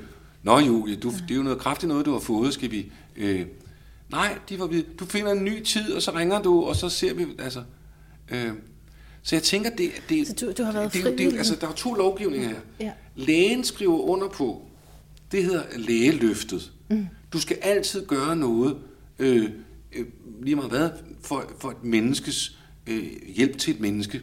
Det er lægeløftet. Det hedder nok noget andet. Undskyld min formulering. Men det er der ikke at gøre alt for et menneske på 8 minutter, øh, og så bestille en ny tid, øh, Karsten. Øh, det er system. stille de spørgsmål, der gør, om så, så skal du tage de stoffer. Mm. Jamen, du har jo ikke spurgt om, hvor kommer du fra? Mm. Hvad har du været igennem, siden at du sover dårligt? Hvad har du været igennem, siden at du har mørke tanker, Karsten? Mm. Hvad, hvor, hvor, hvor, hvem tager sig af dig? Hvad, hvad er det for et liv, du har? Mm. Det er der slet ikke været spurgt om. Der spurgt, hvad er dine symptomer? Du, du har mørke tanker, du sover dårligt. Spiser du noget mad? Ja. Mm. Altså, det er det, der har været spurgt, og så er det krydset af. Nå, så, 1000, nå, så, skal, så er, kan du godt få øh, Cipramil. Ja, sandt. Det er med overfladisk. Det, så det er systemet, der blander sig i lægeløftet, eller den, den, den attitude, Ja, og så kan man sige, med øh, lægen og lægeorganisationerne. Altså, hvorfor er der ikke nogen, der laver oprør og siger, meningen med lægeløftet og lægegærningen øh, har jo ikke været, at vi skulle være selvstændige erhvervsdrivende, og jo flere gange jeg får dig til at komme øh, ind af min dør, jo mere kan jeg sende til regionen, mm. så jeg kan få refusion, og, og hvis du også får en recept, så kan jeg bumme. Og jeg er ikke gang med at sige, at de er øh, onde mennesker, der sidder Jeg tror faktisk, det er rigtig søde mennesker. Men I er rådet ind i et system, ja. øh, et hamsterhjul, ja. hvor det der er jeres grundlæggende ønske om, at mennesker øh, skulle få lindring, ja. øh, ja. Øh, at, at, at der giver I stress, ja. og ikke lindring. Fordi det handler om jeres egen overlevelse, fordi det koster fandme mange, den her sundhedsklinik, og vi skal godt have en ny røntgen, og vi skal et eller andet øje på, må gøre. Øh. Ja, så der er noget i den intention, der simpelthen forpures af hele, hvordan samfundet er indrettet. Ja, og hvad vi finder os i. Ja. Altså, der har været en gang, det findes nok stadigvæk, men jeg synes ikke, at man, man mærker det på den måde, der har der været sådan nogle organisationer som Lions Club og Frimurlogen og nogle andre steder, hvor man lavede nogle ritualer, hvor man sagde, vi, som øh, voksne vil nu deltage i et samfund øh, med et purpose, altså en intention, der er st- noget større end vores egen øh, meling af kagen. Vi vil give os over til øh, at give noget, være generøse. Mm. Øh, vi vil give over til noget, der er større. Øh, men det synes jeg ikke, jeg kan se mange spor af. Jeg kan se, at så er der en, en, en klub med nogle fodbolddrenge, der får 10.000 kroner i noget, og så er der nogle gambianske piger, der får til en skole, og det, det, det er da fint. Men, men have det som ideal øh, i nogle af vores større advokathuse, eller øh, læge, eller at det er jo rystende, når man ser øh, nogle af de sager, der var lige for Rigshospitalet, hvor en, en super overlæge, der havde fået nogle penge øh, et eller andet sted fra, øh, køber øh, ind øh, fra nogle midler, han ikke, han ikke måtte gøre. Og det man så så, han havde købt ind, det var det store Rolex-ur. Altså til 750.000 og altså altså hvor pinligt. Ja, og ulykkeligt. Ulykkeligt. Fordi at det tror jeg ultimativt er det, der kan gøre os glade, så længe vi har kontakt til selvrelationen, mm. så, øh, så er det at kunne tjene, at kunne bidrage, at kunne bruge sig selv til et større Ja, altså formål, i hvert fald kan man sige, det her, du siger nu, det er der faktisk en ret meget dokumentation omkring. Det er, det er den, der giver, ja. øh, der får æresfølelsen, mm. eller heltebegrebet. Ja. Jeg har evnen til at bum, bum, bum. Ja. Men i dag er det en overskrift, at han solgte og fik 13 milliarder. I dag Ja, er det, det er men det er jo ikke heldegærning. Øh, millionær inden han var 25. Mm. Det er typiske overskrifter Ja. i, i, i tabloidbladet. Øh, Nå, så må det være helt fantastisk. Øh, men heldegærningen som begreb, det er altså nogen, der ved deres handlinger kunne forandre verden, øh, mennesker, øh, noget, øh, til et øh, lykkeligere sted. Det er der, den egentlige heldegærning er, Det er heldegærningen. selvom at andre roses i nærværende medier, eller nutidige medier. Og så er der modsætning til det. Nogen bliver helte for andre mennesker, uden at have fået hul i deres eget liv. Altså, øh, så det er jo ikke bare, nu skal du være helt og Dansk Røde Kors. Og, Nej, det er nemlig det. Øh, så man kan sige, den vigtigste det er, og der har stewardesserne ret, selvom de ikke flyver ret meget i øjeblikket, hvis der ikke er ilt i kabinen, Ja. så undlad at give til dine børn og andre først. Ja, Du skal selv kunne trække vejret. yes. Ellers kan du ikke give til andre. Nej. Jamen, jeg tror heller ikke, altså så selvom man, hvis man ikke havde kontakt til sig selv, og virkelig bare kørte det ud, jeg tror, at på et tidspunkt, så falder det jo fra hinanden. Det kender jeg. Altså, Jeg, jeg ikke, kender nogen, som jeg sidder og taler lidt med, Ja. som øh, frivillig, øh, som holdt den gående i næsten 60 år, Ja, wow. og så brød det sammen. Så brød det sammen. Og så bryder det ikke lidt sammen. Nej, der må være meget Ja, bygget op, så... Så du er simpelthen frivillig mentor? Mm-hmm. Ej, det er da, det er da helt vildt sejt. Men så giver det også mening, at du... Øh, det er fordi, der er jo mange sådan nørdede ting inden for jobcenter og socialrådgiverfunktion Mm-hmm. og sådan noget. ja men Altså, det er også, man kan det du sige, så. hvis du siger, det giver mening, at jeg så kan skrive om det, det er, det som jeg øh, som menneske er, øh, det er, at jeg er øh, lykkelig, øh, og synes, det er så spændende, at komme ud til rigtig mange forskellige mennesker. Ja. Nogle mennesker er jo meget, øh, de ved rigtig meget om IT, eller de ved meget om øh, et eller andet emne. Øh, men jeg kommer ud til høj og lav, øh, på bonede gulve, og i psykiatri, og i fængsler, og øh, øh, mærkelige virksomheder i Jylland. Øh, var dejligt. Og taler med ledere, og taler med medarbejdere. Eller, Ja. så, så hvad kan man sige, jeg, jeg får lov til at komme ind og, og taler med familier. Øh, øh, så så jeg, jeg har sådan et tværsyn. Jeg er ikke sådan en specialist. Øh, jeg, jeg får virkelig lov til at se, hvordan jeg, den der, gud, det hænger sammen med det der. Det, øh, og, og, og det giver mig et syn, øh, som er anderledes, end hvis du er puttet ned i en kasse. Ja. Du må regne med, at specialiseringen har jo haft store følger. At du kan komme ind og er stresset som en mand, jeg kender, øh, og føle hjertet øh, kramper. Han kommer så ind, og jeg tror, der er et eller andet galt. Hvad der er, hvis man hører ham og hans liv. Men, men nu har hjertet begyndt at gøre noget, og hans venstre arm er lidt mærke. Men så kommer han ind på hospital hos en hjertelæge, specialist i hjertelæge, øh, vi tager hjertekardiogram, og så kommer glad hjertelæge ud og siger, ej, du skal være glad, dit hjerte er frisk som 17-årig, så du kan roligt til hjem. Der kunne hjertelægen, hvis han havde bare spurgt lidt til livssituationen for den her person, undgå en mand forsøgte at hænge sig selv. Okay. Fordi der er en grund til, at du får stress. Ja. Ja, ja, altså hvad, hvad for en hjerte er det, du har ondt i? Er det det fysiske, eller er det... Ja. Men hvis du er specialist, så er det ikke mit område. Det, er, det, må være socialrådgiveren eller Ja. øh, ring, hvis der er noget.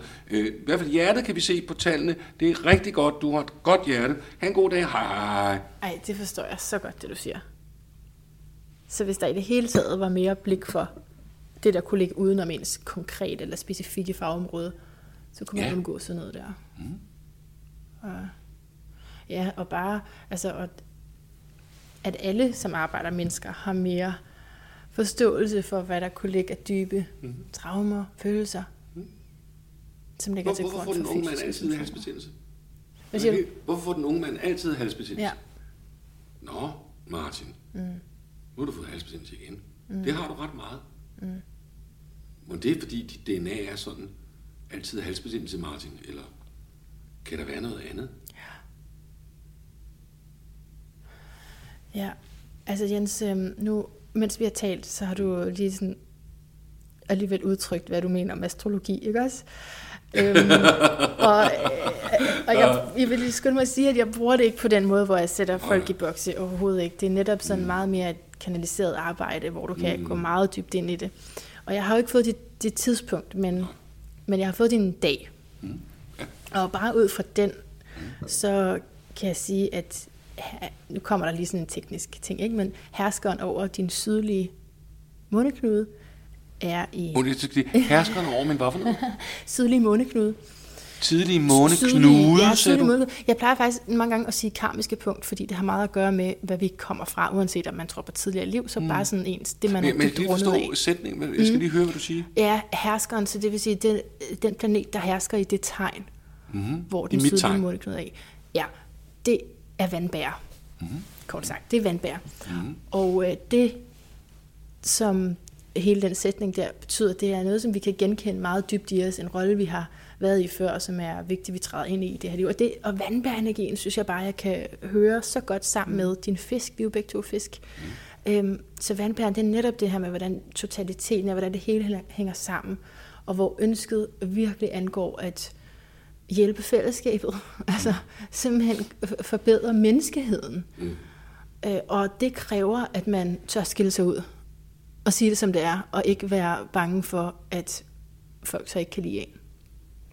Så det synes jeg, jeg kan mærke tydeligt hos dig, sammen med den her så meget sensitive fisk, som åbner op for en anden måde at modtage andre mennesker på, ikke? Mm. og den her tillidsbro, du skriver om i din bog. Mm. Så, så det vil jeg bare lige sige, at øh, så, så, så langt har jeg i hvert fald øh, fået en fornemmelse af, at jeg kan spotte det lidt i dit horoskop. Øhm, men også, ja, så du kommer fra, fra sådan en, sådan en tyrekarma, hvor jeg ved ikke om... Hvad er en tyrekarma? Tyrekarma, det er, hvor at økonomi har på en eller anden måde haft betydning, enten at man har været lydfattig eller haft mange penge, men hvor det materielle har betydet rigtig, rigtig meget. Former, normer. Har betydet rigtig meget for sådan det, man ligesom er rundet af, og derfor gør det jo til en, en vis grad jo op igen ens liv, men så finder man ud af, hvad det er for nogle former, man gerne vil ind i, og for eksempel en god tyreform af natur, som vi sidder i nu. Mm. Ikke? Så men, men stadigvæk det her sådan, øhm, øh, mere stabile, end hvis du kom fra noget, der var rent vand, som fisken er. Mm. Mm.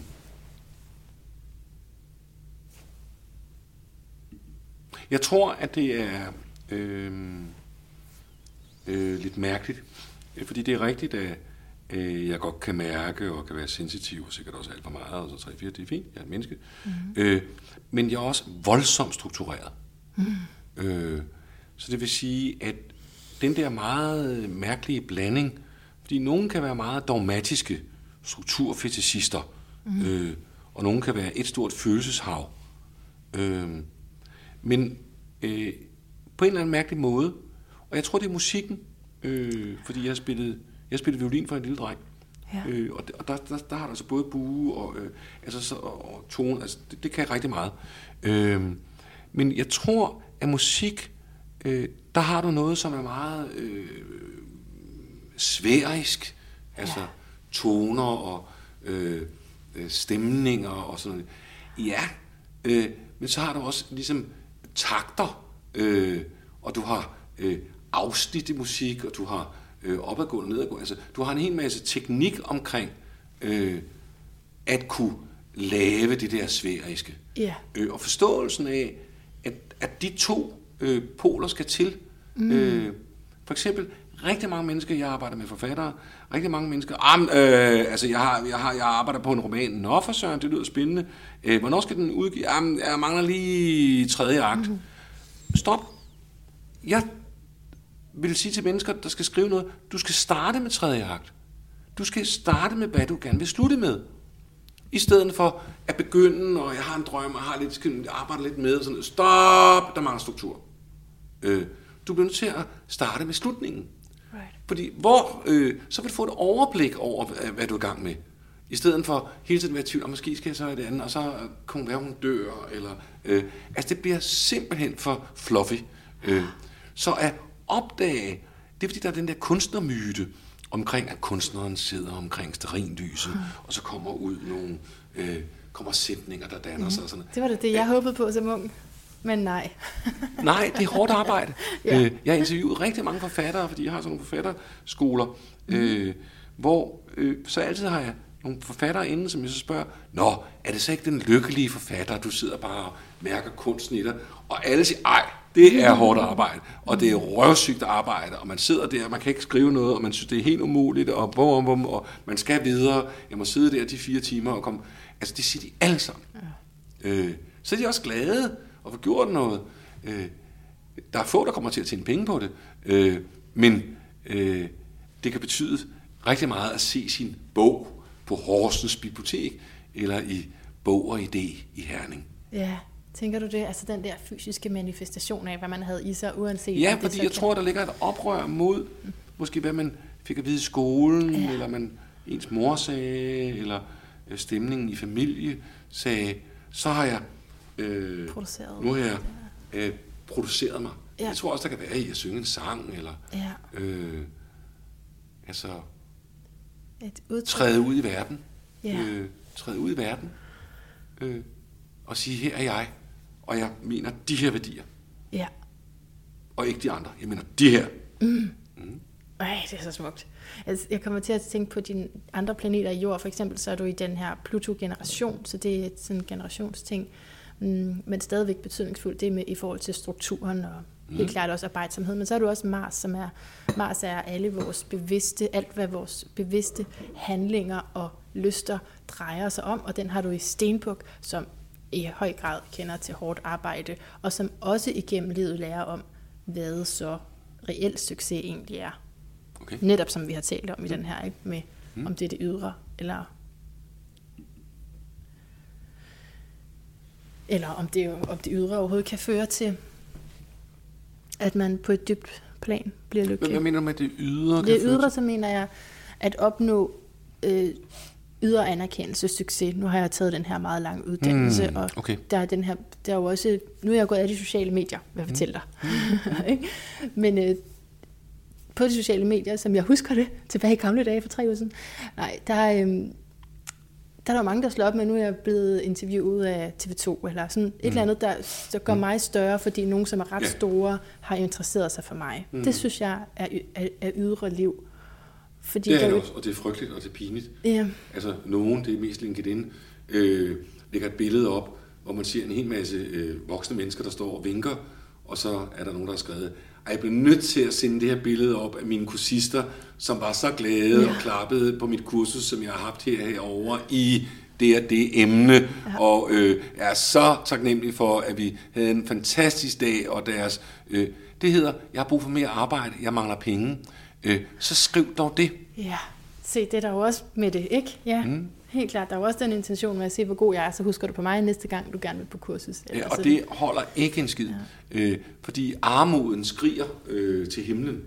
Øh, men, men nogen falder jo fælden. Der synes jeg, Facebook er værst, og undskyld kvinder, mm. øh, men, men, men det er jo kun fordi, jeg har dem her på. Men der er så nogle, øh, nogle kvinder, der kommer lidt op i årene, øh, som så skriver, ej, min frisør Gitte, hun sagde, nu skal du altså få noget nyt hår, og nu giver vi din farve, og altså okay, men så kan jeg give det lov til at gøre det, eller og her er et billede af det, jeg ved ikke rigtigt. Og så skriver alle mulige andre, ej, Annie, du, er, du ligner simpelthen på 25, det klæder dig så godt. Og det er løgn! Det er løgn! Det klæder ikke Annie med det der farvning, og der gik ind eller noget. Men, men det kan vi ikke lige at sige. Oh, der er mange sådan nogle ting. Jeg ja. der, er også noget, der er også en ting med at lægge, hvilket billede, billede er flottest af de her fire op, ikke? Jo. Og det afler vildt mange kommentarer, fordi folk skal bare lige skrive et, to eller tre. Men det er jo også en måde at komme ud på, og, så, altså, og lige for at vide, men, men, men jeg synes, det er, det er godt. virkelig spændende, du har øh, sat dig på den. Det der med den ydre. Der er ingen, det er ingen vej til indre styrke og stolthed. Mm. Det er ingen vej at få ydre øh, øh, kommentar. Nej. Det er en indre connection med dig selv, der gør, at du oplever stolthed. Så fint, det er klart, du får en medalje af, af, af, af Biden eller et eller andet, i, eller det kan betyde noget. Nå, okay, det var da meget fint. Eller sådan. Mm. Men, men, men det har intet i forhold til din egen øh, følelse af, det her har jeg gjort godt. Mm. Det her er værdigt. Yes. Jeg er en værdig person. Yes. Tværtimod, jo mere du søger ydre øh, bekræftelse, jo mindre tid og jo mindre energi får du til det område, der er det væsentligste. Om du kan stå og synge en sang, mm. øh, eller du kan skrive en bog. Mm. For du bliver hele tiden forvirret af, hvad andre tænker, og øh, måske skulle jeg mere øh, en detektivroman, eller det er måske også rigtigt, eller det er der flest penge i, eller, eller, eller er det, er det en digtsamling, eller nej, måske skal jeg slet ikke skrive, måske er jeg mere en, måske skal jeg lave podcast, måske skal jeg, ja. hvem er jeg, eller hvad synes du? Ja. Øh, hold da kæft, hvad er det anstrengende. Ja. Øh, Jamen, det er og så, det.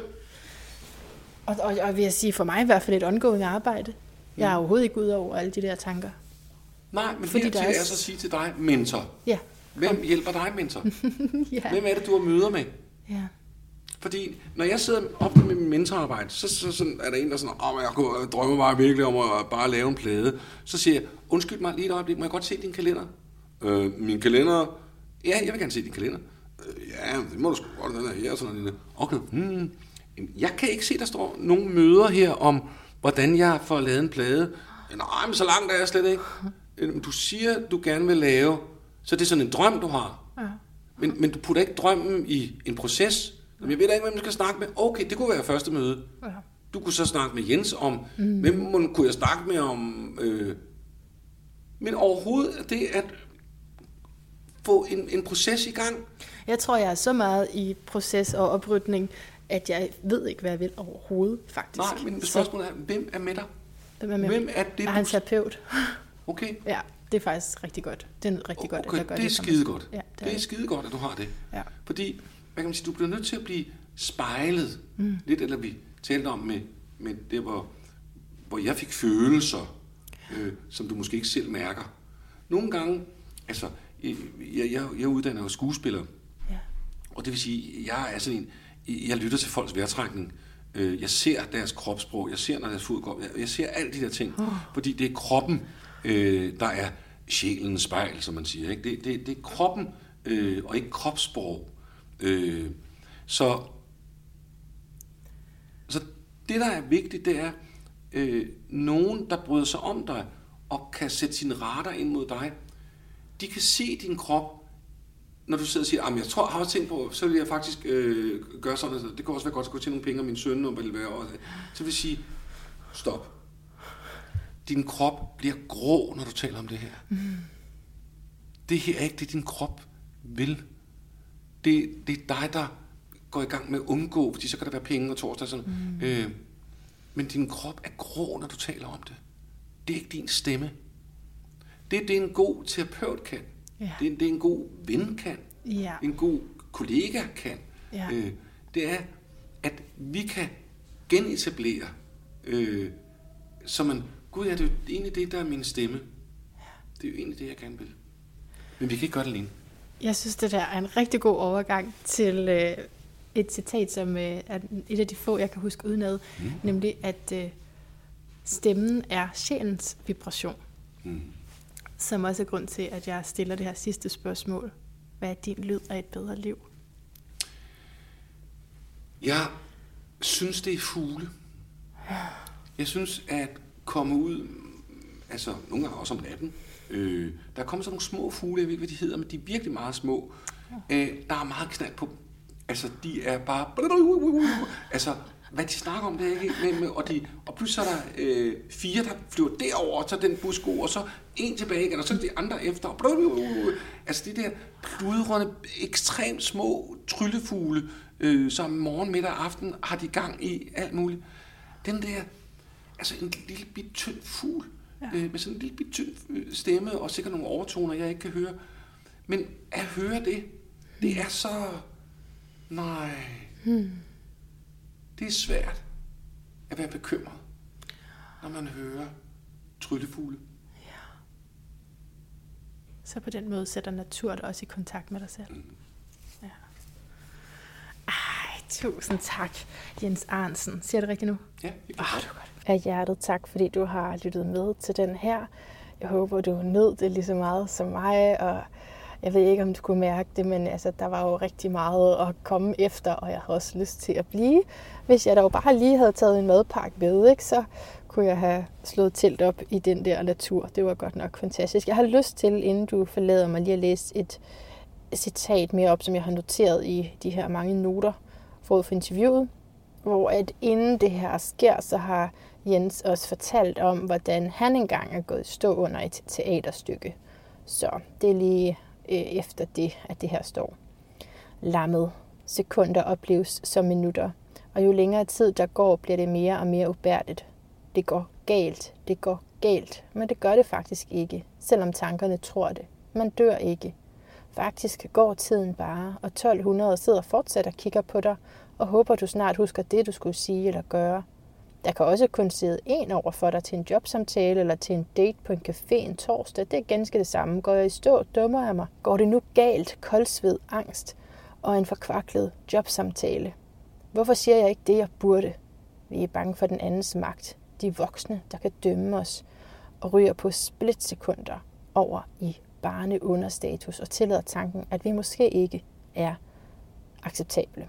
Ja, der er et væld af emner i det, i det hele taget det med at føle sig acceptable, og det at sortere i sine tanker, og det at hvordan andre kan udøve magt over en. Og du må ikke tro, at fordi jeg ikke kunne udtale Jenses Arns, Jens Arnsens efternavn lige til at starte med. Det er ikke, fordi jeg ikke har hørt det udtale. Jeg har faktisk hørt alle de podcasts, der nu øh, ligger med ham. Nu er der så nogle af dem, der er gået over til det her Podimo, som han også lige nævnte, og derfor så har jeg så ikke adgang til dem. Men dem, der ligger øh, frit, har jeg hørt. Og jeg vil sige, at jeg er virkelig glad for at have stiftet bekendtskab med ham, og det har jeg kun gjort, fordi der var en lytter. Der er faktisk flere igennem tiden, men nu lyttede jeg til den seneste lytter, øh, Julian, tror jeg var navnet, som skrev til mig om øh, blandt andet Jens. Og, og når det er, jeg siger ja tak til dem, jeg får anbefalet, ikke? og det er jo ikke, altså, de skal jo ligesom også sige ja tak til mig, og jeg er enormt beæret overhovedet at få lov til det, og få muligheden for at bruge den her tid sammen med Jens, så det, det ment på den måde. Men der er også nogen, som foreslår folk, hvor jeg ikke går ind i det, og der er to årsager til det, og den første, den eksisterer nærmest ikke, og det er, at jeg måske ikke synes, det er særlig passende eller interessant, eller jeg ikke jeg er bange for, at jeg ikke kan få nok ud af det, eller jeg er ikke helt er fantastisk vild med bogen, der hører til personen, eller noget af den stil. Det er meget, meget sjældent. Men det, men det, det forekommer. Men den anden, det er, at den, der foreslår mig vedkommende, er en, der foreslår folk, og ikke en, der lytter med. Det betyder alt, at du, som faktisk sidder her og lytter på det aller sidste svævende, hængende minut, muligvis fordi du sidder i en bil og ikke kan finde ud af at slukke denne stemme, det betyder faktisk noget, at du anbefaler dem, som du gerne vil høre. Fordi jeg er da ligeglad med alle mulige, jeg selvfølgelig nok kunne interviewe, hvis jeg gad, eller sådan et eller andet. Altså, det, jeg ved ikke, hvorfor man skulle begynde at, at brainstorme med mig, fordi der er masser af brainstorm inde i mig. Jeg har, det har jeg masservis af. Men jeg er da så lydhør, hvis at dig, som følger programmet, og som faktisk bruger din tid på det her uge efter uge, så er det da klart, at jeg er interesseret i at tale med lige præcis den, som du har fundet som øh, en, en stemme ind i dit liv. Fordi jeg tror jo, at øh, vi har rigtig meget til fælles, du og jeg, du som lytter med. Virkelig meget. Altså, jeg tror, du har det med mig, og jeg tror, du har det med de andre, der lytter med. Fordi det er, det er ligesom loven om tiltrækning, ikke også? At vi øh, magnetiserer dem til os, som øh, minder om os. Så hjertet tak for at være lige præcis den, du er. For ellers så tror jeg ikke, at jeg havde øh, haft mulighed for at komme ud til dig. Indtil vi høres ved igen. Gentænk alt. Måske især, hvem du er ved at blive til.